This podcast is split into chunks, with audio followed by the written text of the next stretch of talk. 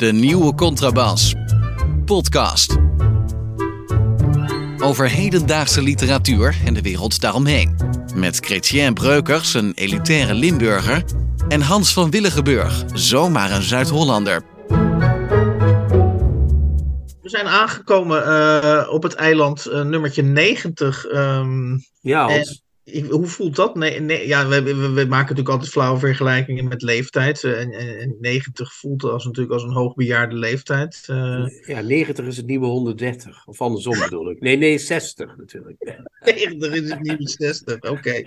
ja. Uh, ja, dus we zijn eigenlijk op nummer 60 pas, ja.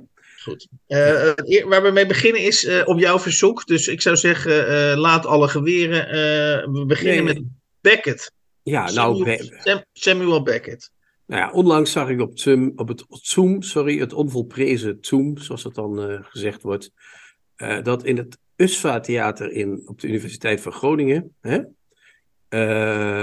dat ze daar bezig waren met het opvoeren van een versie van Wachten op Godot van Samuel Beckett. Hè? Ons allen wel bekend, toch? Niet? Ja, ja. En het studententheatergezelschap GUTS, G-U-T-S, die wilde dat gaan opvoeren. En uh, daar is toen uh, van de inclusiviteitsclub, ehm, die is van Bram Douwes, is daar lid van. Dat is iemand die ook bij Pownet heeft gewerkt of werkt, dat weet ik niet. Oh ja, ja. Een, maar die blijkbaar... een jonge knul, vanuit ons, vanuit ons standpunt bezien dan, ja. Ja, die, die is uh, daar blijkbaar lid van de programmeercommissie op de, op de Rijksuniversiteit Groningen. En die moet het inclusiviteitsbeleid van de universiteit uitvoeren. En die kreeg te horen dat het feit dat er vijf uh, uh, mannen in die voorstelling zitten, wat ook echt zo is, dat klopt. Hè? Je hebt Estragon en die andere, en dan heb je nog een boy en nog een paar. we hebben vijf mannen in totaal. Ja. En ja, dat. Vijf wachtende mannen, ja. ja. Dat was discriminatie om van tevoren vijf mannen te vragen, vond de inclusiviteitscommissie. Dat gaf wat storm en toestanden. Uh, ik heb het aan de, de onderkosters nagevraagd. Beckett, deskundige, dubbele donateur en dus ook hoofd van ons wetenschappelijk instituut. Ja, wat, dat, dat, merken de luisteraars, dat merken luisteraars niet. Maar ongemerkt hebben wij via onze donateurs natuurlijk een enorme ja, dat is een enorme uh, krachtbron aan, aan, aan literaire kennis hebben wij natuurlijk. Ja, dat is, dat is bijna te erg. En wij zijn, wij zijn slechts de, aanvoerder, de, de bescheiden aanvoerders daarvan. Maar, maar die donateurs die vertegenwoordigen inmiddels een, een, een rijke databank aan literaire kennis natuurlijk. Maar goed, ja, onderkosters dus, ja. Wij, wij zijn zo sterk als onze zwakste donateur. maar goed, um, uh, onderkosters heeft dus gezegd, ja, ik vroeg aan hem van, is dat niet een beetje vreemd dat dat, uh, dat, dat kan? Uh, maar ik wist ook nog vaag ergens in mijn achterhoofd dat Beckett zelf ook uh, heel erg expliciete ideeën had over uh, hoe zijn stukken moesten worden uitgevoerd. En ik heb hem dat gevraagd en zei hij dat ja, er was ook een beroemd verbod eind jaren tachtig op de uitvoering van Wachten op Godot door vrouwen. Dat heeft hij zelf ooit geprobeerd hier in Nederland toen dat gebeurde. Toen zouden de vijf vrouwen dat gedaan. Toen is hij naar de rechter gestapt. Die rechter heeft gezegd: Meneer Beckett, bent u nou helemaal voor God los, uh, dat kunnen we je niet uh, verbieden. Want uh, als die mensen dat willen, dan gebeurt dat. Ja. een half jaar later heeft hij dat zelf weer teruggedraaid. zo Zo'n beetje ook weer een half jaar voor zijn dood, zo rond 1989 zo. Dus Beckett zelf was altijd heel, heel precies van als er mannen staat, moeten er ook mannen zijn. Dus die zou zich, die, ik denk dat hij dus nu... nog een echte 20, kortom een echte 20ste eeuwse schrijver. Een echte 20ste eeuwse schrijver. En maar toch is dat toen doorgegaan. En uh, dat zegt Onno ook. Dat uh, de eerste boy, dat is het uh, personage in het, in het stuk die dat berichten van Godot kon brengen twee keer. Dat was een meisje hier in Nederland. Dat was de, de zus van Georg Sluizer, de regisseur. Dus nou ja, we hebben toch een soort voortrekkersrol al gespeeld. Um, dat dat nu in het USWA niet mag, vind ik op zich zou je kunnen zeggen, nou ja, hè, in de geest van Beckett kun je het uh, zeggen, we zijn of heel streng, of we volgen de rechter en zeggen van iedereen moet doen wat hij zelf uh, wil. Maar Beckett zelf zegt, Onno was ook redelijk inclusief, dus op zich kunnen we nu wel het loslaten. Het enige vervelende vind ik dat er zo'n commissie tussen zit. Snap je wat ik bedoel? Ja, nee, maar volgens mij, eh, die, even die twee situaties naast elkaar. Je beschrijft nu de situatie eind jaren 80, toen Beckett nog leefde en hij inderdaad, want dat heb ik begrepen ook uit andere podcasts, want wij zijn niet de eerste podcast die dit, die dit gevalletje behandelt, uh, waarin hij dus inderdaad ook gerefereerd dat hij zelf allerlei instructies heeft gegeven onder welke voorwaarden zijn, zijn, zijn uh, stukken uitgevoerd mogen worden.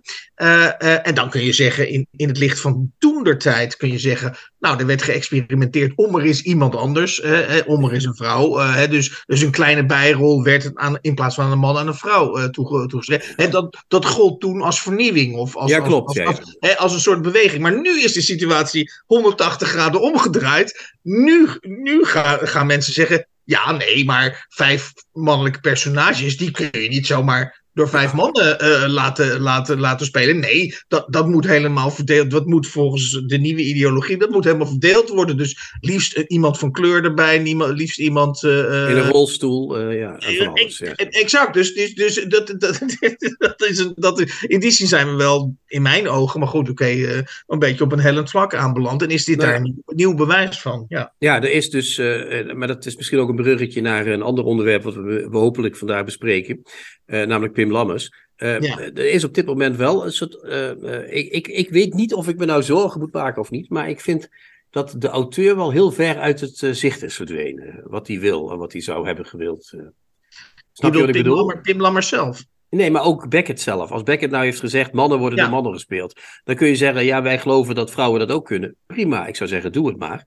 Maar als je echt wil volgen wat de auteur heeft gezegd, dan zeg je, nou oké, dan doen we het deze keer met mannen, hoe cares, uh, weet je wel. Of alleen met vrouwen, maar niet gedwongen door een commissie van, we moeten uh, van tevoren nou, al... Ja. En om nog eventjes heel helder te maken, uh, dat in mijn ogen dus hele grote verschil tussen de eind jaren 80 en waar we nu in 2023 zijn aanbeland, is dat ik me nog de tijd herinner, maar dit wordt op het gevaar of dat dit gesprek oude mannen praten wordt. Maar uh, ik herinner me nog uh, discussies in de, in de ja, eind jaren 80, maar ook begin jaren 90, waarom er vanuit het geredeneerd vanuit het stuk zelf allerlei artistieke overwegingen waren om rollen door andere mensen te laten spelen. Door andere mensen te laten spelen. Of, daar, of daar postmodern mee te spelen. Maar nu krijg je iets totaal anders. Uh, het interesseert die commissie in principe geen ene malle moer welk, welk stuk er uitgevoerd wordt. Nee, er wordt van bovenaf, wordt met een rigide ideologie wordt gezegd, ja, nee, dit is te eenzijdig als kast. Dus er wordt helemaal niet gekeken, volgens mij. Hè, er wordt helemaal niet meer gekeken naar welk stuk, over welk stuk dat gaat. En, over, en of eh, laat staan dat er één reden zou zijn waarom, je, waarom een meer diverse cast van uh, uh, Wachten voor Godot, dat, dat stuk Wachten voor Godot beter zou kunnen spelen dan vijf mannen. Ja,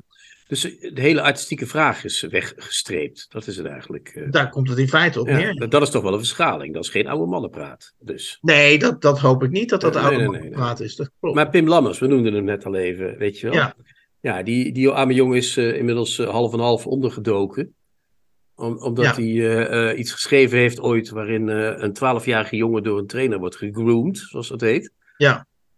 Um, wat vind wat jij daarvan, van de hele kwestie? Ja, want dat is aangejaagd door een christelijke club, hè? Die begonnen daarmee, ja. reactionair rechts. ja. Blies het vuurtje aan. Nou ja, laat, laat, laat, laat beginnen met vast te stellen dat, dat, dat er, ja, dat is heel ironisch, dat is heel wrang, is dat uh, Pim Lammers als persoon, als schrijver, dus nu, ja, ik weet niet achter hoeveel muren die zich verstopt heeft, maar laten we zeggen dat hij even Kruidje Roer niet speelt. Ja. en dat zijn werk nu, in, in, dat, dat zeg maar de drukpers is, is, is nog, daar zijn nog nooit zoveel werken van Pim Lammers afgerold. Sterker nog, nee. de, de, de, en dat, dat is, ik weet niet hoe jij dat ervaart, Chrétien, maar ik ervaar dat als oké, eh, ehm, eh, wil je dus aandacht trekken of wil je je werk goed verkopen, dan zou het, is één, misschien een van de voorwaarden of een van de, uh, is dat je je terug of dat je bedreigd moet worden en dat je je ja, achter gesloten deuren moet terugtrekken. Is goed ja, voor de, maar echt, goed ja, voor de verkoop. Misschien is het wel goed voor de verkoop, maar het is niet zo leuk voor je leven, zoals we laatst aan Samuel of nee. aan Salman Rushdie al hebben kunnen zien. nee. dus dat is één. Het ja, maar dat is, even, even, voordat we daar verder gaan, dat zegt dus iets. Dat zegt dus dat iets. Zegt iets. Ja, je krijgt aandacht als er iets ergs is. Hè? Dat, daar begint ja. het mee. Als er iets ja. verschrikkelijk, als, als, als die van Haga gekke dingen over je zegt, of als uh, zo'n christelijke website dat doet, dan, dan wordt het ineens interessant. Ja, dat is vreemd. Dat is één. Dat is stap één. Maar wat is dan stap twee, Fox? Ja. Uh, stap, weet ik niet, dat mag jij invullen. Oké, okay, maar... nou ja, dan, toen, toen begon het hele verhaal. Uh, mag je een auteur afrekenen op het feit dat hij iets geschreven heeft over een thema dat op dit moment ja. heel slecht ligt, namelijk over pedofilie. Dat is ja. stap twee. Uh, de klassieke, uh, het klassieke verhaal wil dat een schrijver altijd alles mag schrijven. omdat hij dat onderzoekt dan in dat verhaal, of hè, dat hij moeilijke thema's onderzoekt. eh, en daar dan misschien wel controversiële dingen over zegt. Waardoor Ja. mensen na gaan denken over zo'n thema en daar dan eh, hun gedachten over kunnen laten Ja, gaan. het idee is dan dat literatuur ons eh, tussen, aanhalen, tussen miljoenen aanhalingstekens verder brengt. Ja, Ja, of in die discussie verder, of die discussie Precies. verder brengt. precies. Eh, daar ben ik het eigenlijk in, in, in, in, in diepste wezen mee eens. Ik heb ook, eh PEN Nederland had gevraagd of we eh, eh, een eh, steunbetuiging wilden ondertekenen. Die komt geloof ik in de krant binnenkort. Nou, dat heb ik ook gedaan. Dat, daar ben ik het ook mee eens. Ik vind dat iedereen alles moet kunnen zeggen binnen dat, dat fictie een soort kader biedt waarbinnen je alles kunt zeggen. Ja. Dat is één. Dat is twee. Derde punt is dat dat in kranten wordt geschreven nu, die eh, elke week eh, interviews eh, met eh, auteurs eh, publiceren, waarin het persoonlijke je zowat door de strot wordt geduwd. Dus er is geen enkele fictie meer aanwezig in die interviews, of geen enkele vakmatige benadering van eh, de literatuur. Maar eh, al- het gaat alleen nog maar over de eh, boekenverzameling van de auteurs, zoals bij Peter Buwalda, over de wandelingen door Genua van eh Ilja Pfeiffer, over het onthaasten van Joke Hermsen, die een huisje heeft gekocht ergens in the middle of nowhere. dus, dus Alles het, wordt persoonlijk. Ja. het sterrendom van de auteur overschaduwt steeds vaker het werk zelf. ja, dus als zeg maar de klassieke plek waarbij, waar literatuur wordt behandeld, de krant, als die al de hele dag het persoonlijke door je erdoor probeert te Ja. duwen, dan vraag ik me af. Is het dan niet toch een heel klein beetje hypocriet om ineens moord en brand te schreeuwen als eh, mensen het niet begrijpen, als je zelf ook niet echt eh, Ja. eh, het goede voorbeeld geeft? Ja, en, en dan is er nog één e- element wat ik er hier aan. Want ik denk dat je helemaal. Ik ben het hier helemaal. Dit klopt volgens mij. Het ene wat, wat, interessant is aan wat er nu met die Pim Lammers gebeurt. Is natuurlijk dat je ziet dat uit progressief. de- de- zoals we net ook weer geze- in feite begonnen zijn. Uit progressieve hoek worden bepaalde normen opgelegd.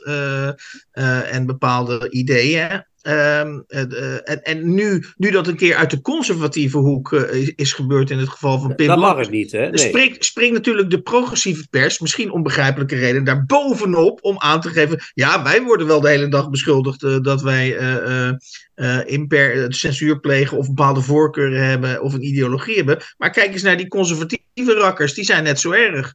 En er zit nog een andere kant aan, en dat is heel, misschien is dat het glad ijs om daarop te gaan, maar toen Thierry, Thierry Baudet een roman schreef, eh, waarin hij eh, rare dingen schreef, Ja. toen was, heb ik geen linkse krant gelezen van ja, maar dat is toch het, de vrijheid van de fictie die hier in het geding is. Als we dat niet, we moeten hier de, polit- de objecte politicus en het werk moeten we hier scheiden.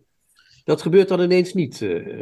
Dat is vreemd ook, toch? Ja. Niet? Nou, in, in, in dit verband, en dan ga ik gelijk naar, naar, naar eh, eh, waarschijnlijk het laatste onderwerp van de inleiding. Is, eh, ik, eh, ik, ik beschouw het als mijn taak om eh, interviews met schrijvers, vaak ook di- tegenwoordig via podcasts, om die af en toe te beluisteren. En ik heb deze week op, en ik zal, ik, ik, ik, ik raad elke luisteraar aan, als die tijd heeft, want misschien heb je wel een drukke baan, of ga je maar één keer in bad, of eh, ehm, eh, is Was je maar af- één keer af per week. Ja. is de, is de eh, was je niet genoeg af om dat allemaal terug te luisteren. Maar Philip Huff zat in Kunststof en eh, Anne Vechter die zat in Nooit meer slapen. Dat zijn allebei programma's van een uur. En als je het nou hebt over eh, de auteur zet zich voor het werk of, of gaat met zijn gezicht voor zijn eigen werk staan, dan zou ik zeggen. Luister die twee uur eens even af. Philip Huff, eh, we hebben het vaker over hem gehad in deze. Hij spreekt een uur lang alsof hij eh, eh, het centrum van de beschaving is. zeker het kruispunt van de schepping. Elk, alles wat in de geschiedenis gebeurd is, dat komt op een of andere manier, culmineert in het hoofd van Philip Huff. En Philip Huff denkt werkelijk dat ja, alles wat hij schrijft, dat dat, ja, hoe zal ik dat dus netjes zeggen, Chrétien? Dat dat het woord van God zelf is of zo? Of, eh, Ja, zoiets, zoiets, eh, hè? Zoiets. Ja, ik, ken, ik heb het niet gehoord, maar ik, ik word ook niet meteen gemotiveerd door jouw aanprijzing. Moet ik eerlijk zeggen dat ik denk van, kom, daar ga ik eens een uurtje gezellig naar zitten luisteren. Ja. Nou, wat had Anne Vechter dan? Was die ook zo? Nou ja, bij eh, Anne eh, Vechter was het, wa- was het, even, was het even persoonsgericht. We heb, ik, heb, ik ben niets wijzer geworden over haar poëzie. En dat, dat is inderdaad, dat zei je net terecht, dat is een trend. Want inderdaad, in, in, in media als Volkskrant Magazine en dat soort uh, grachtengordeluitingen, is inderdaad de, de, de persoon van de auteur inderdaad uh, uh, ja, bijna hinderlijk. Het primaat, hè? Ja, best, ja de, het primaat, primaat exact. Maar ja. bijvoorbeeld uh, bij, bij Anne Vechter is het geloof ik een heel groot deel van de uitzending ging het over haar stukgelopen relatie. Ja, en, daarom, dat, en dat werd omschreven als een ramp. En, en, en, en Anne Vechter. geloof ik meteen. Uh, en, en Anne Vechter ontkende niet dat het een ramp was. Uh, en vervolgens ging het daar een kwartier lang over. Dus inderdaad, je hebt helemaal gelijk, Chrétien. Dat uh, we zijn in een sfeer of in een klimaat beland. Waar inderdaad, waarin je inderdaad. de, of, of in ieder geval het misverstand, bijna het misverstand creëert. Uh, dat Pim uh, Lammers inderdaad, uh, ja, nou ja, ik, ik, wij, maken dat, wij maken die fout natuurlijk niet, maar dat Pim Lammers samenvalt met zijn onderwerp, in dit geval dus pedofilie. Ja, ja nou, en daar valt nog, er zit nog iets anders aan vast, namelijk dat je dus, kijk, Philip Huff, Anne Vechter, dat, zullen heel verschillende, dat zijn heel verschillende auteurs. Hè. Bij Anne Vechter kun je nog zeggen, dat is een echte dichter. Ik vind er zelf niet veel aan, maar dat is wel een echte dichter. Philip Huff is natuurlijk een soort charlatan. Uh, ik heb Pim Lammers deze week gelezen en ik vond er ook niet veel aan. Maar wat ik daarmee wil zeggen is mm -hmm. uh, dat je door dat naar voren schuiven van het persoonlijke nooit meer iets over het werk zelf zegt. Waardoor niemand meer weet, is, dat nou, is dit nou goed of is dat nou goed? Ja. Of wat moet ik daar precies van vinden? Dus dat persoonlijke slaat ook nog eens een keer de hele discussie over of het kwaliteit heeft of niet dood. Ja, ik, en dan moeten we daarna ja. ineens, als iemand als iemand uh, wordt aangevallen, zeggen van ja, maar hij heeft vrijheid. Ja, hij heeft vrijheid, maar hij heeft ook vrijheid om troep te schrijven. En dan moeten we dat ook kunnen zeggen, weet je wel. Dat is, ja. Ja. ja, ik wilde afsluiten, Chrétien, met, uh, uh, met een eigen ervaring. En die, vra die vraag stel ik dan vervolgens ook aan jou. Ik, ik, jij zult ook uh, ooit een keer voor een eerste keer geïnterviewd zijn over je eigen werk. Ja, hè? Dus met andere woorden, wij, wij schrijven ook boeken en, en wij, worden ook, wij, wij zijn af en toe ook als auteurs benaderd. Ik weet heel goed dat ik na mijn eerste dichtbundel, dat ik benaderd werd door Kink FM, door Leon Verdonschot, om een uur lang te praten over die, over die debuutbundel. En toen weet ik nog dat hij stom verbaasd was dat ik als eerste gedicht, een, uh, omdat het natuurlijk ging over ja, waar haalde ik die poëzie dan vandaan. En toen heb ik een uh, gedicht voorgelezen van Charles Bukowski, die, die uh, mij geïnspireerd had om, om poëzie te schrijven. En hij zei, stom verbaasd tegen mij, en dat, dat tekent dus opnieuw, dat wijst opnieuw dezelfde kant op. Hij zegt na afloop in die uitzending, nou, dat heb ik na, na die uitzending, zegt hij mij, dat heb ik nou nog nooit meegemaakt. Een dichter die begint met het lezen van een gedicht van iemand anders omdat dat dan voor zijn eigen werk komt te staan of zo. Of dat, dat, ja, zijn dat, eigen nou ja, maar hij vond dat dus heel raar. Terwijl ik dacht, nou, dat vind ik de normaalste zaak van de wereld. Dat ik, dat ik ja. aan, aan het publiek laat zien dat ik niet zomaar begin met schrijven. Maar dat, dat ik schrijf naar aanleiding van, ja, van poëzie die mij inspireert. En dat, daar was dit een voorbeeld van. Ja. Ja, mijn hoe, eerste ben jij ooit ge, hoe ben jij ooit gedebuteerd in de, in de media? In de, ik, werd ge, ik was toen 24 en mijn eerste dichtbundel kwam uit. Het was een hoogromantisch geval, wat gelukkig onverkrijgbaar is op dit moment. um, En toen werd ik geïnterviewd voor de Limburger en daar zei ik teksten als het verval is alomtegenwoordig en dat soort gelul. Dus ik schaam me nu nog wel, maar mijn moeder heeft de knipsels op die het kunnen bewijzen. het is echt verschrikkelijk. Dus uh, laten we dat maar even, laten we daar maar over zwijgen, Hans. Tips van de week. Boeken, artikelen of pamfletten die boven het maaiveld uitsteken. Vieze boekjes. Ja, hele vieze boekjes. Heb je wel eens soms. En we hebben nu ook een soort van vies boekje voor ons liggen, of niet? Ja, ik heb het idee dat de schrijfster, Esmee Schenk de Jong, dat ze, um, ja, heeft ze haar best, gedaan, heeft, haar best heeft gedaan om een vies boekje te schrijven. Maar ja, echt geil werd ik er niet van. Nee, maar moet je van vieze boekjes geil worden? Dat is nog een vraag, die schuiven we even naar achteren. uh, het heet Omdat mijn lichaam het wil. Het vieze boekje in, in spe, zal ik maar zeggen, ja, in wording. Ja. Met als ondertitel Verhalen over lust. Ja, maar nou, waarom zeg je in wording? Want het boekje het ligt wel voor ons. Nee, het vieze boekje in wording als in van is het een vies boekje of niet. Uh, dus, Oké, okay, uh, ja, ja, ja, ja. En dat begint met de prachtige zinnen. Dit boek gaat over seks. Over alle vormen, facetten, effecten en kanten van seks. Die seks eigenlijk tot zoveel meer maken dan je kunt uitleggen. Dus we hebben hier ook iemand met afasie bij de klant, Hans. Want uh, ik begrijp niet wat hier staat. Jij wel of niet? Maar, maar het punt is, uh, alvorens dus die verhalen... Ik, ik, bij een verhalenbundel denk ik, nou, dat begint bij verhaal 1. Hè, toch? Ja, dat het is eerste verhaal. Maar, maar, het is ook een soort roman, of niet? Maar Esmee Schenk de Jong, die heeft daar dus andere opvatting over. Die, die vindt dus dat we ingeleid moeten worden. En die schrijft dus, voor die verhalen uh, van start gaan... schrijft hij een woord, een begeleidend woord vooraf. Dat...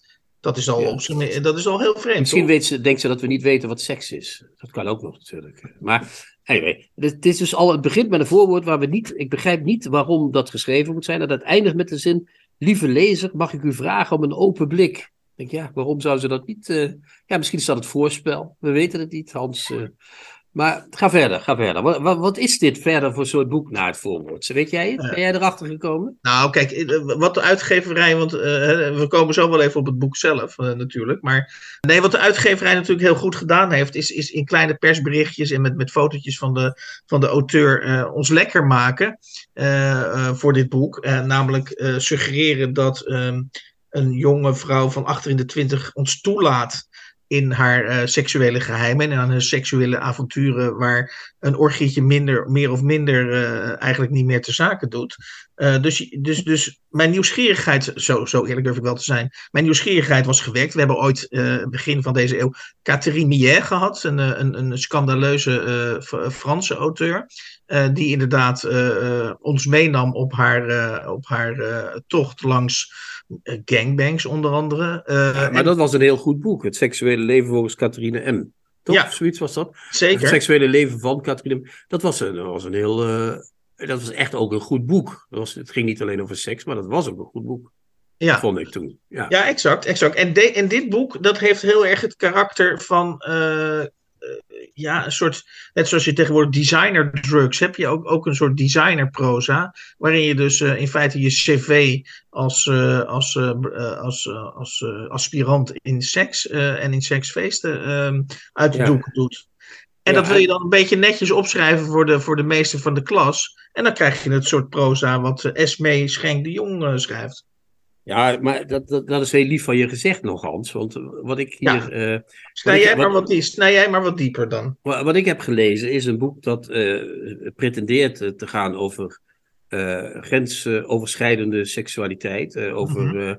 orgieën, over polyamorie, over alle vormen van seks. dit en dit en dit. Is in, is in wezen, als je het leest. Ongelooflijk braaf boekje van een vrouw van eind twintig die uh, ja, die gaat wel een keer naar een orgie en die gaat wel een keer met twee mensen tegelijk naar bed. Maar ik vind het vooral allemaal heel braaf en heel keurig en heel netjes. En daarnaast vind ik het ook nog heel vreemd geschreven. Ik begin met een citaat, Hans, want we moeten hier veel uit citeren, dat kan niet anders. Ja. Uh, van uh, bladzijde 96. Uh, zoals ik al zei, zijn zij beiden, ze is met twee mensen, met een man en een vrouw uh, aan de gang, een halve kop kleiner dan ik, dus ik ben enigszins verrast door wat hij uit zijn broek haalt. Hans, daar begint het al. Hè? Dat is toch een beetje het proza van het schoolopstel, of niet? Ja. Ga door. Ik, ik, ik, Dom, ja, maar jij wil, jij ik wil de rest van het citaat nemen, of niet? Of, of houdt het hier op? Dom van mij, met mijn niet geringe ervaring, zou ik toch moeten weten dat de lengte zich niet naar penisgrootte vertaalt. Ik neem zijn tumescentie, om mee te beginnen, langzaam zo diep mogelijk in mijn mond. Kijk hem aan en doe dan wat je zoal doet. Zo komt naast me zitten. En zo pijpen we ons de beurt. Het lijkt net alsof ze aan het knikkeren zijn, Hans. Maar weet je wat een tumescentie is. Wist jij dat of niet? Dat is een, zwel, ik, ik een zwelling. ik leef ook even haken aan tumescentie. Ja. Dat is een zwelling. Ik heb het even opgezocht. Een bobbel of een zwelling. Dus hè hè.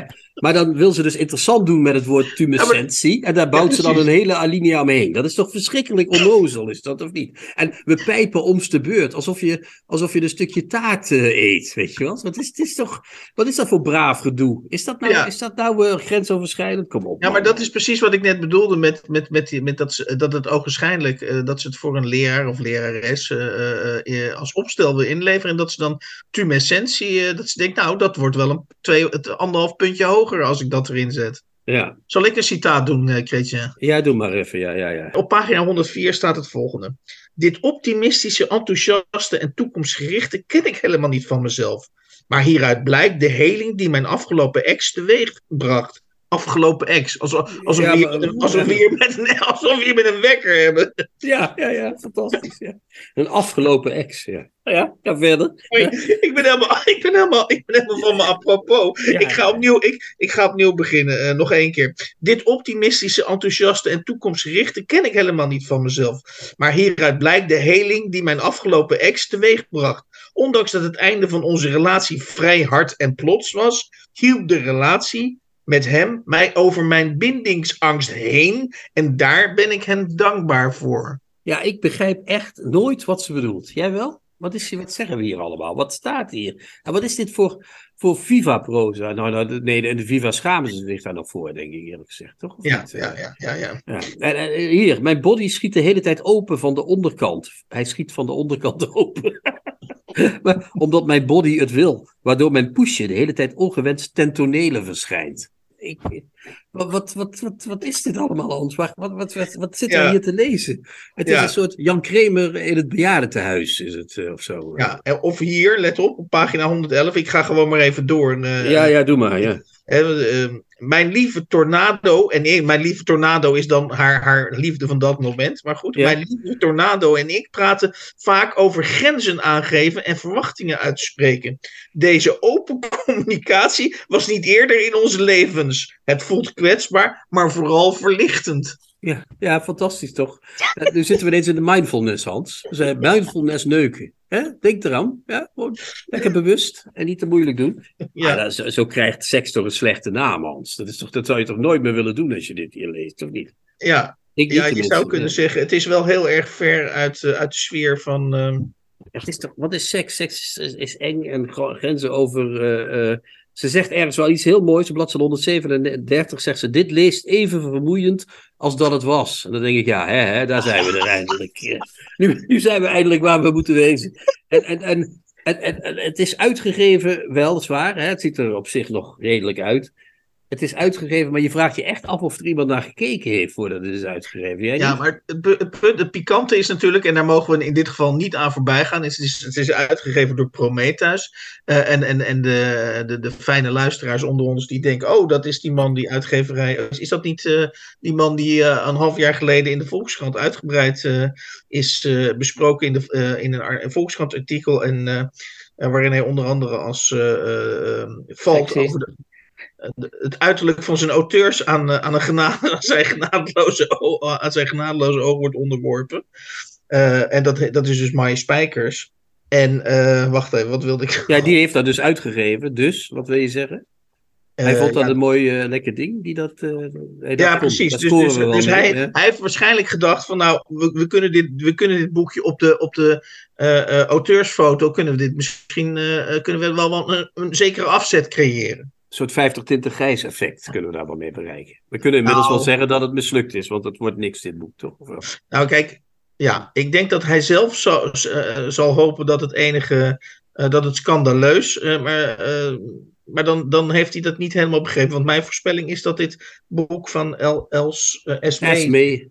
Esmee Schenk de Jong, dat het nul rimpeling zal veroorzaken.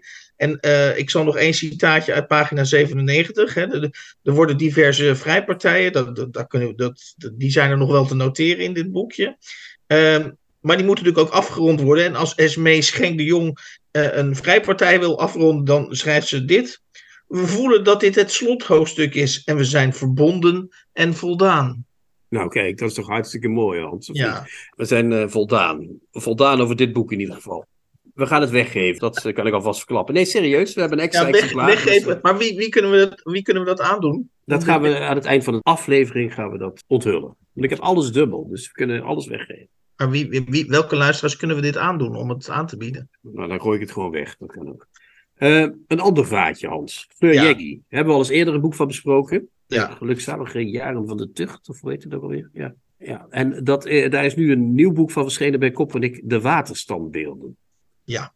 Eh, een boek dat veel minder zich direct eh, prijsgeeft dan het boek van Esmee Schenk de Jong, mag je wel zeggen. Hè? Een veel moeilijker boek. Veel beter geschreven ook. Ja, ik, ik heb dit, dit boek was zo voor mij lange tijd. Want uiteindelijk naar het einde toe wordt het iets minder. Of, of krijg je wat clues. En, en ik, ik heb hier heel lang zeg maar in rondgedreven in dit proza. eh, tamelijk wanhopig.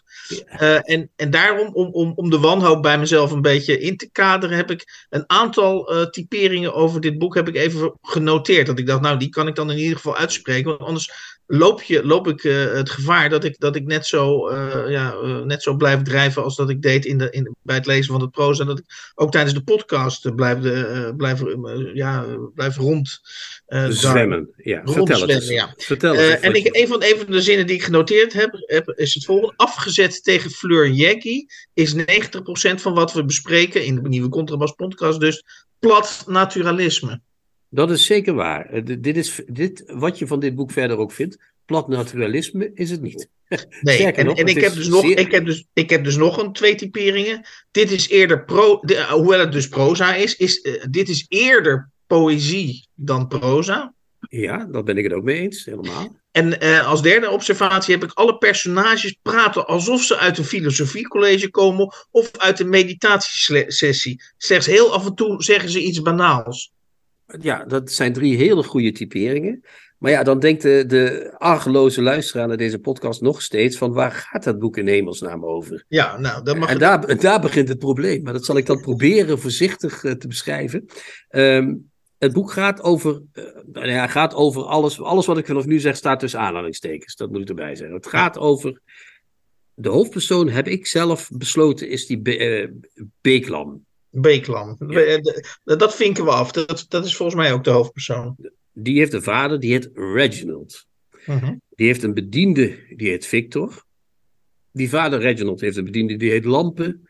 En dan hebben we nog wat bijfiguren. Ja, wat vrouwelijk. eh, ja. Vrouwelijke en nog één mannelijke, Caspar, bijfiguren. Ja. Ehm, die Beeklam, die heeft in Amsterdam, speelt zich tot, tot mijn verrassing af in Amsterdam deels. Eh, Want Mhm. Fleur Jeggi is Zwitsers, hè, Italiaanstalige Zwitserse acteur, die nog leeft overigens, bijna 83 is. Eh, die Beeklam heeft een huis in Amsterdam, waar die in de kelder, waar steeds water staat ook, hè, de water speelt ook een belangrijke rol, de waterstandbeelden, allerlei standbeelden verzameld. Ja. Die, die standbeelden staan een beetje voor, hij heeft die verzameld en die staan een beetje voor zijn verleden, als je het zo zou kunnen zeggen, toch? Voor, voor zijn herinneringen, voor wat, wat hem eh, Ja. heeft bezighouden in zijn leven. Nou ja, maar de suggestie die je nu wekt, en, en, en, en da- daar zou ik een kleine eh, nuance op willen aanbrengen, is eh, de Beeklam is de hoofdpersoon en hij woont inderdaad in Amsterdam en hij heeft een kelder waar, waar- standbeelden staan, die, waarvan de suggestie is dat het waterpeil in Amsterdam, want dat is natuurlijk niet voor niks in Amsterdam eh, gesitueerd, het waterpeil in Amsterdam dat fluctueert of dat komt omhoog. Ja. En de suggestie is natuurlijk dat die standbeelden, er wordt geloof ik letterlijk gezegd dat de voeten van die standbeelden al onder water staan, of bijna onder water staan. En, en er wordt dus eigenlijk gesuggereerd, als het echt hard gaat regenen, dan komen die, gaan die, zullen die standbeelden uiteindelijk helemaal verdwijnen. Ja. Ja. Ja, precies. Daar begint het al. Maar daar, maar, maar, maar daar gaat dus iets aan vooraf. Want voordat we dus met Beeklam in Amsterdam eh, zitten, om het maar even plat te zeggen, eh, eh, zitten, we in, zitten we volgens mij wel degelijk, eh, Fleur Jeggi is zelf Zwitsers, zitten we in Zwitserland bij het overlijden van... van de- van de moeder van Beeklam. Zie je, maar daar Exact. begint het. exact, Ja, exact. Maar daar begint dus al het moeilijke. daar begint het min of meer mee. Eh, en de vader probeert die moeder helemaal uit te wissen. Maar dan wordt het al een soort literair gelul wat we aan het doen zijn. Dan zijn we het verhaal aan het navertellen. En het verhaal is niet na te vertellen. Dat is het probleem. Maar wat wel belangrijk is in het leven van Beeklam, is dat die moeder door die vader helemaal wordt uitgewist. Weg met die moeder. Ja. Ehm, zelfs het borduurwerkje wat ze aan het maken was vlak voordat ze doodging, haalt hij helemaal uit. Tot er weer een volledig effen borduurlapje eh, over Ja. is. En vanuit dat startpunt, dus die Beeklam is een kind zonder eh, moeder, maar wel met een soort vader, eh, begint het boek. Dat is één. Ja. En omdat die Beeklam dan op een gegeven moment. En mensen die natuurlijk gevoelig zijn voor metaforen, die genieten al. Hè, ik vind dat je het mooi vertelt. Het breiwerkje wat door Reginald eh, eh, van zijn vrouw uit ja. elkaar wordt gehaald.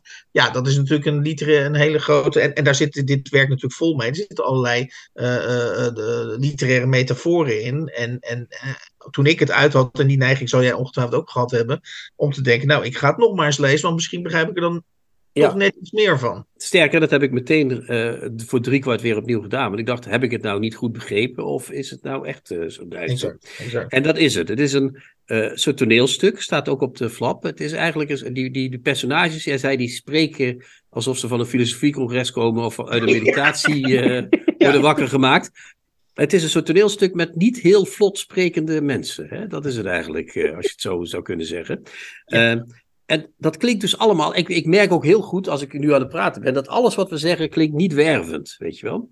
Eh, alles wat we nu zeggen klinkt Ja, van, nou, eh, moeten we dit nou wel, eh, dit soort moeilijke gedoe gaan lezen? Het gekke is, zij schrijft zo goed, uh, Fleur Jeggy, dat je, ja, je leest wel door. Het is niet zo dat je denkt, nou, dit is echt, nu wordt het me toch te gek in onbegrijpelijkheid.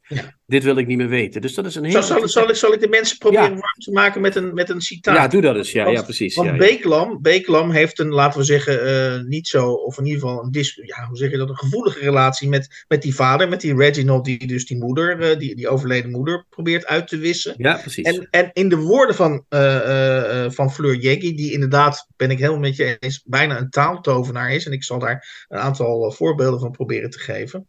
Uh, op pagina 42 uh, uh, het volgende. De zoon, Beekland dus, pijnigde zijn hersens op zoek naar een ongevaarlijk onderwerp. Dat hem nieuwe bewijzen van Reginald's aangeboren wreedheid en naïeve onmenselijkheid zou besparen.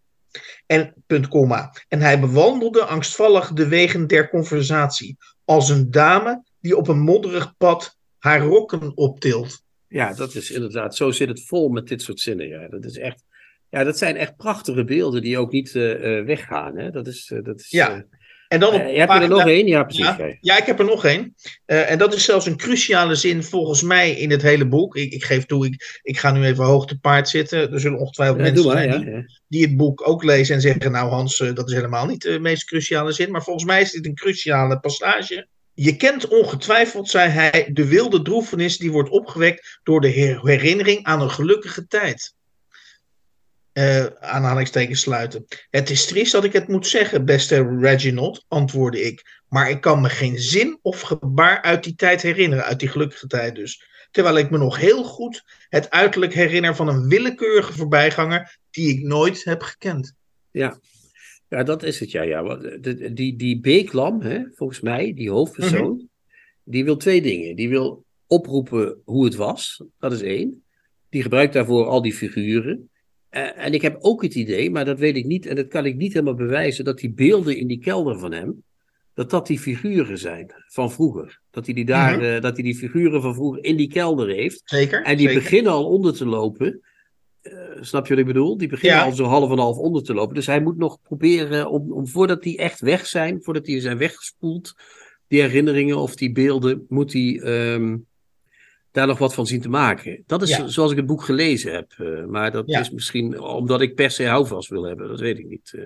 Ja, ja ik, ik, ik, ik geef toe dat de verleiding om te blijven citeren is erg groot. Maar ik weet ja, niet doe maar. of, ja, ga of, maar. dat ja, zin, maar. of dat zin ja, heeft. Jawel, jawel, uh, jawel. Pagina 82. Prachtig. Alles wat vluchtig is, voelde als haar eigendom, komma. Of schoon haar dagen elders rondzwierven, komma. Waar geen heerschappij bestaat, komma. Waar de volmaaktheid geen erfgenamen heeft. Ja, dat is inderdaad echt. Ja, het is alsof je een soort. Alsof je de catechismus leest, hè? literaire ja. catechismus. Zo ja. moet het en niet anders. En, en, en, en misschien uh, uh, kan ik nog wat oplichten, want ik ben het met je eens. Het is heel moeilijk om dit, om dit boek voor een groot publiek wervend over het voetlicht te brengen. Uh, toch proberen we dat.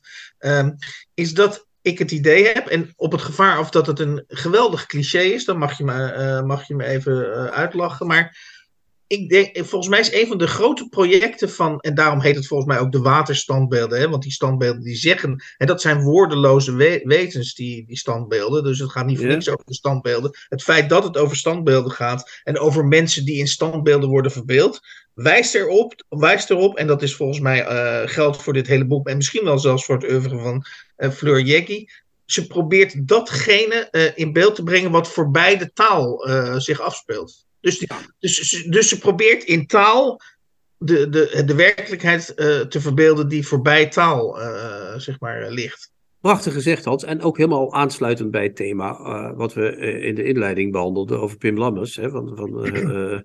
ligt, het, ligt het primaat nog bij het literaire? Nou, zo'n schrijver als Fleur Jeggy is bij uitstek een volledig literaire auteur. Hè? Ja. Alles, alles in dat boek is literair. In, dat, in, die, in die Geluk, gelukkig, wat was het nou toch? Even kijken. Uh, dan moet ik even het goede titel zeggen. Uh, de gelukzalige jaren van Tucht. Hè? Dat, dat was in die kostschool, weet je nog? Ja. Dat hadden we toen besproken.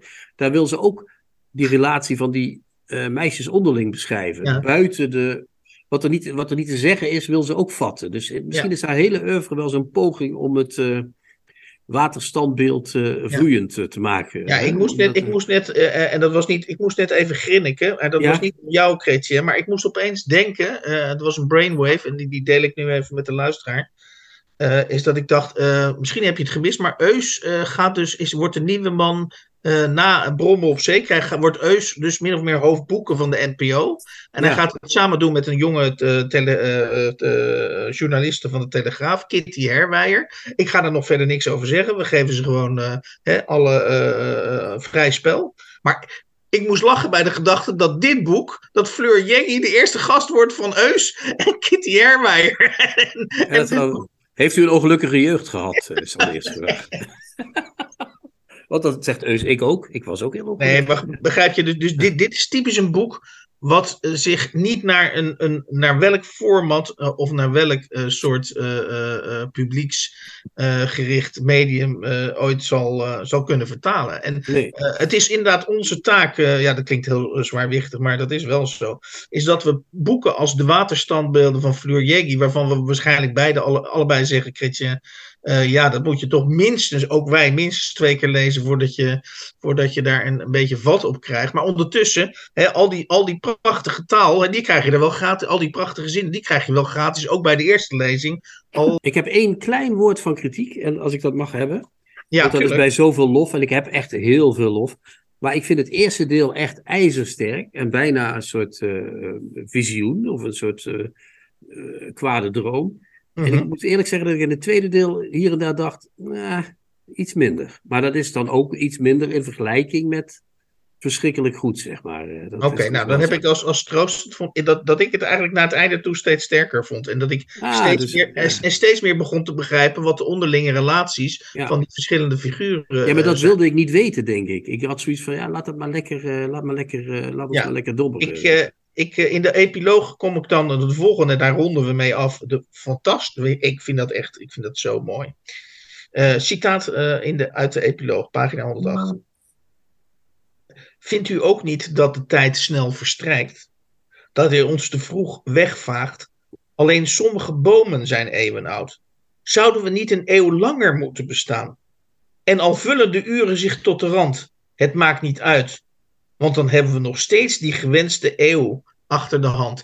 En eh, ik, denk dus, ik, ik, denk dus werkelijk, ja, niet dat ik dwangmatig op zoek ga om in de bijna slotzin naar de verantwoording van het hele boek te gaan. Maar ik denk dus inderdaad dat in de beleving van Fleur Jeggi we een extra eeuw uh, hebben. En dat zij in dit boek uitspint wat er in die extra eeuw gebeurt. Ja, mooi. Heel mooi.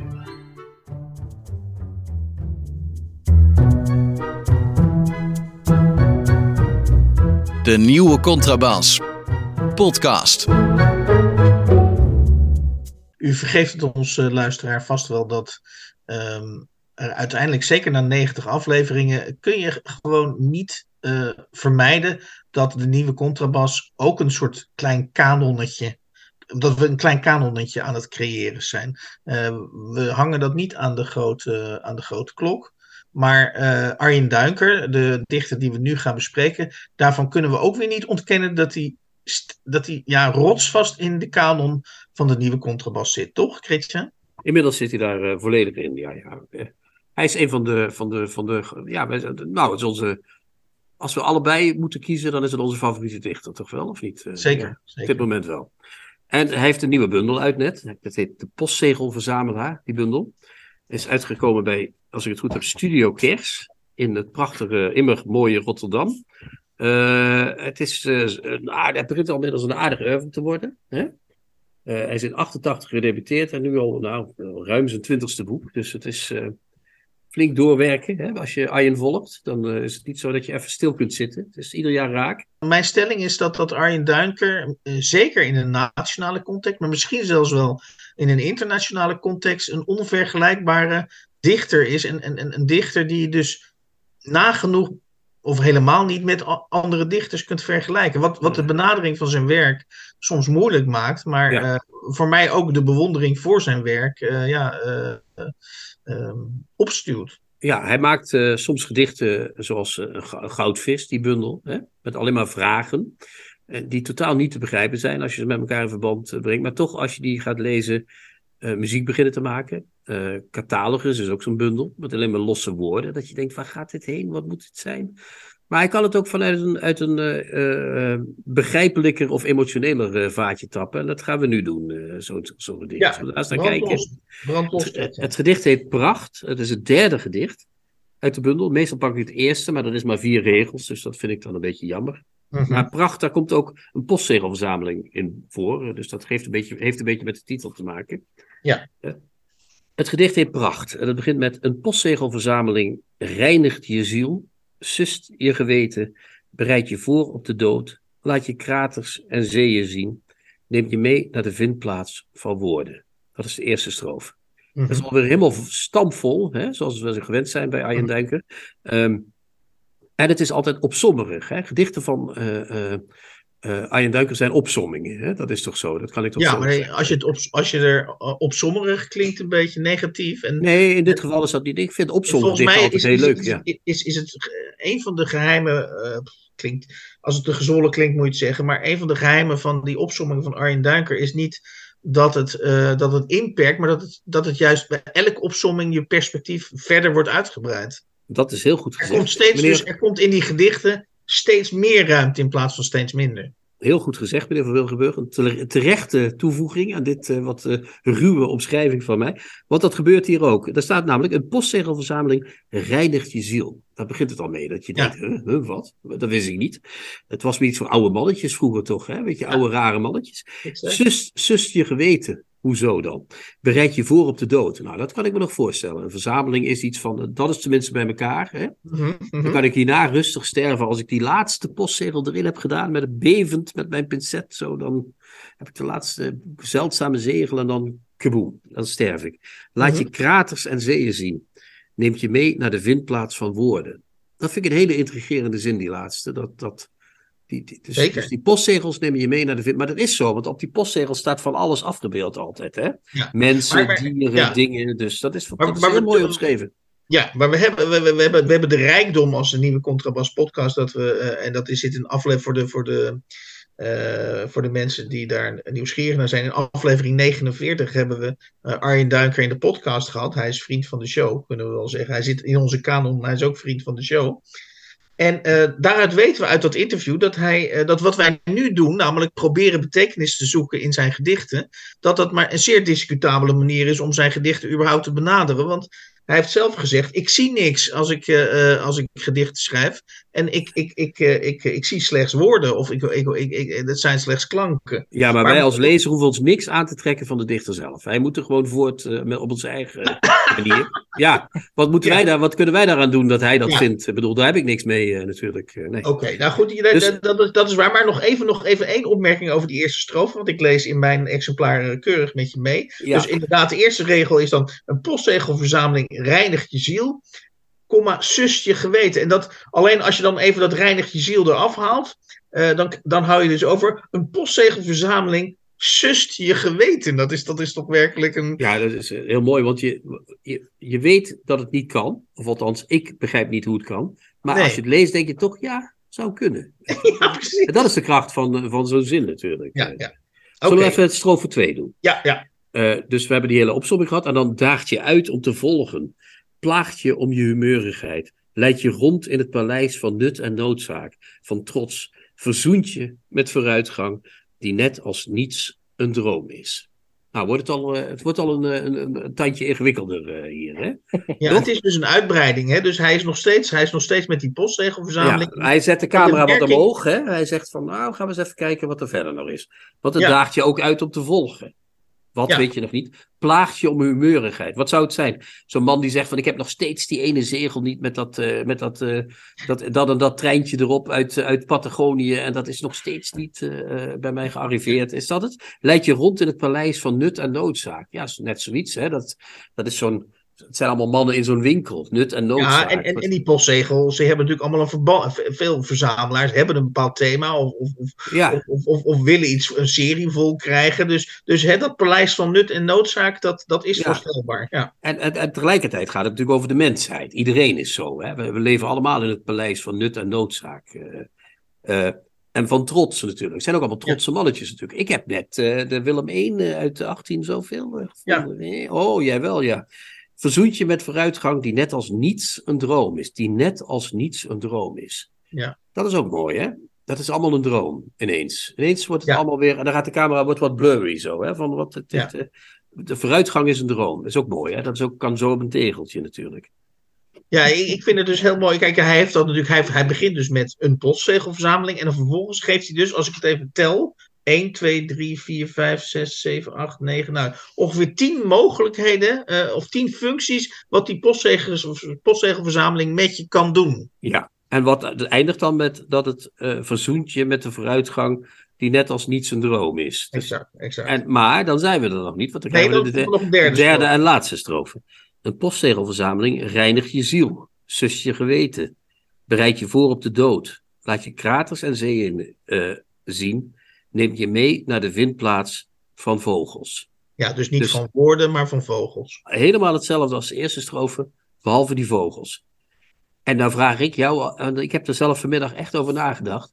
Ja, Waarom komen hier ineens woorden, waarom worden woorden vogels? Duinker zal natuurlijk zeggen, joh, dat heb ik gewoon zo gezien. Maar ja, wij zitten er maar mooi mee, Hans. hij heeft het juist niet gezien. Hij, heeft- nee, hij heeft het juist niet gezien. Nee, hij heeft het woord vogels gezien en opgeschreven. Dat is wat Ja, hij. eh, ja, maar ja. waarom moeten die woorden.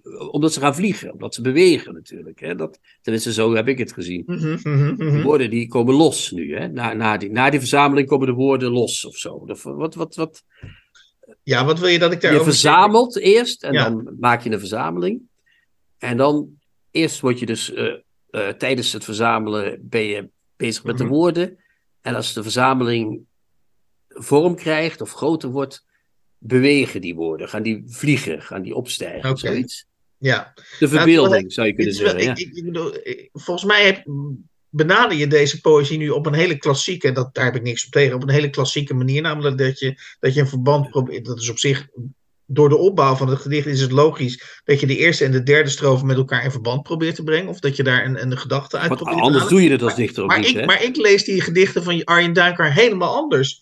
Ik lees een gedicht van Arjen Duiker, en zeker ook dit gedicht, als een postzegelverzameling reinigt je ziel, zus je geweten, bereid je voor op de dood, laat je kraters en zeeën zien, neemt je mee naar de vindplaats van woorden. Met andere woorden, eh, ik hoor dan de dichter, ik ken Arjen, sorry, ja mensen, ik ken Arjen Duiker. En ik, volgens mij zou Arjen Duiker zeggen, joh, als jij eh, zus je geweten eh, bij, bij een postzegelverzameling beter vindt passen dan laat je kraters en zeeën zien, ik geef je gewoon een x aantal opties. en, zoek het zelf maar uit. Ja. zoek het zelf maar uit, exact, ja.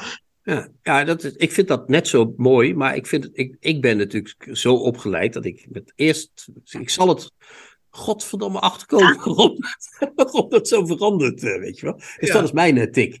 Ik, Ja. eh, Arjen zijn tik, ik mijn eigen tik. En dat is natuurlijk het mooie van die poëzie van hem. Je kunt er lekker tegenaan botsen, je kunt er een beetje mee spelen, je kunt het dus een beetje door elkaar husselen. En dat, dat, dat blijft sterk natuurlijk. Dus ja, hij blijft onze favoriete dichter, vrees ik, eh, Hans. Ja, absoluut. het, is, het is en het blijft zo, ja.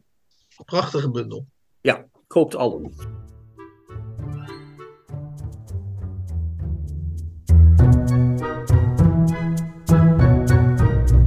De nieuwe Contrabas. Podcast.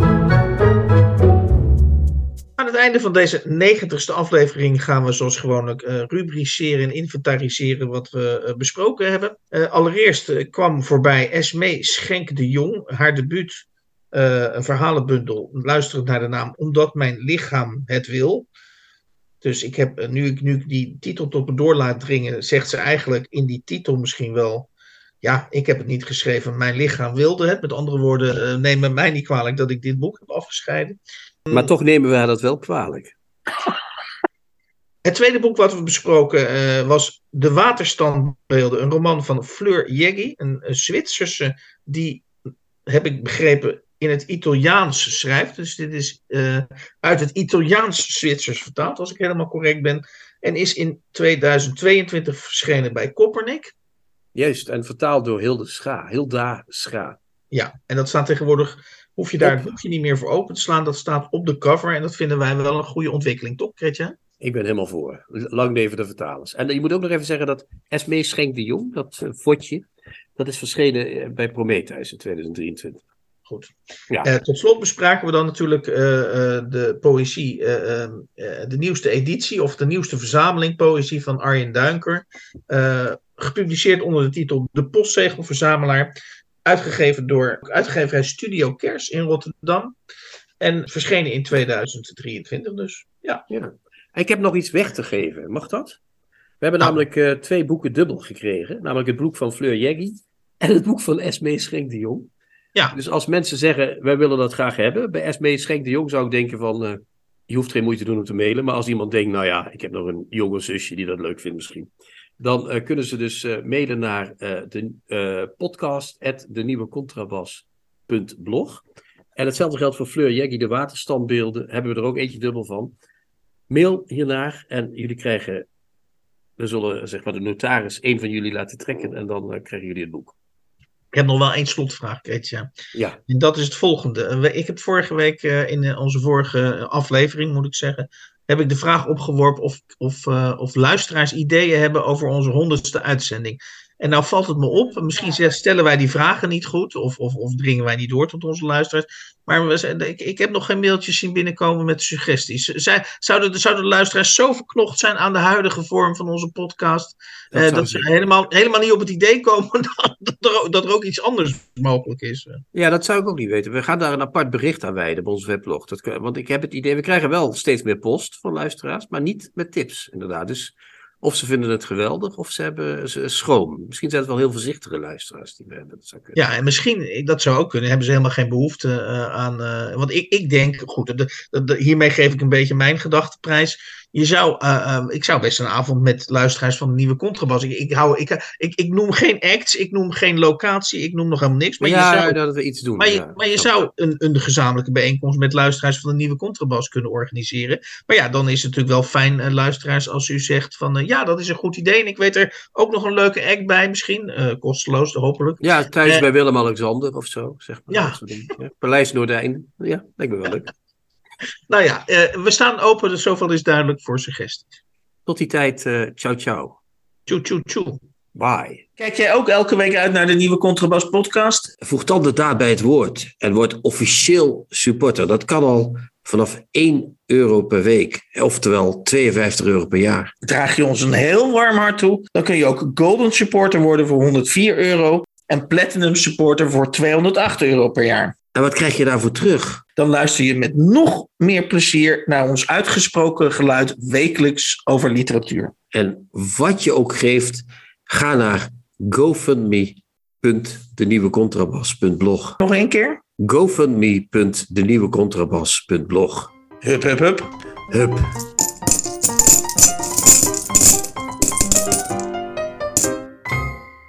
De nieuwe Contrabas podcast wordt gemaakt door Chrétien Breukers, Hans van Willigenburg en Erik Lindenburg.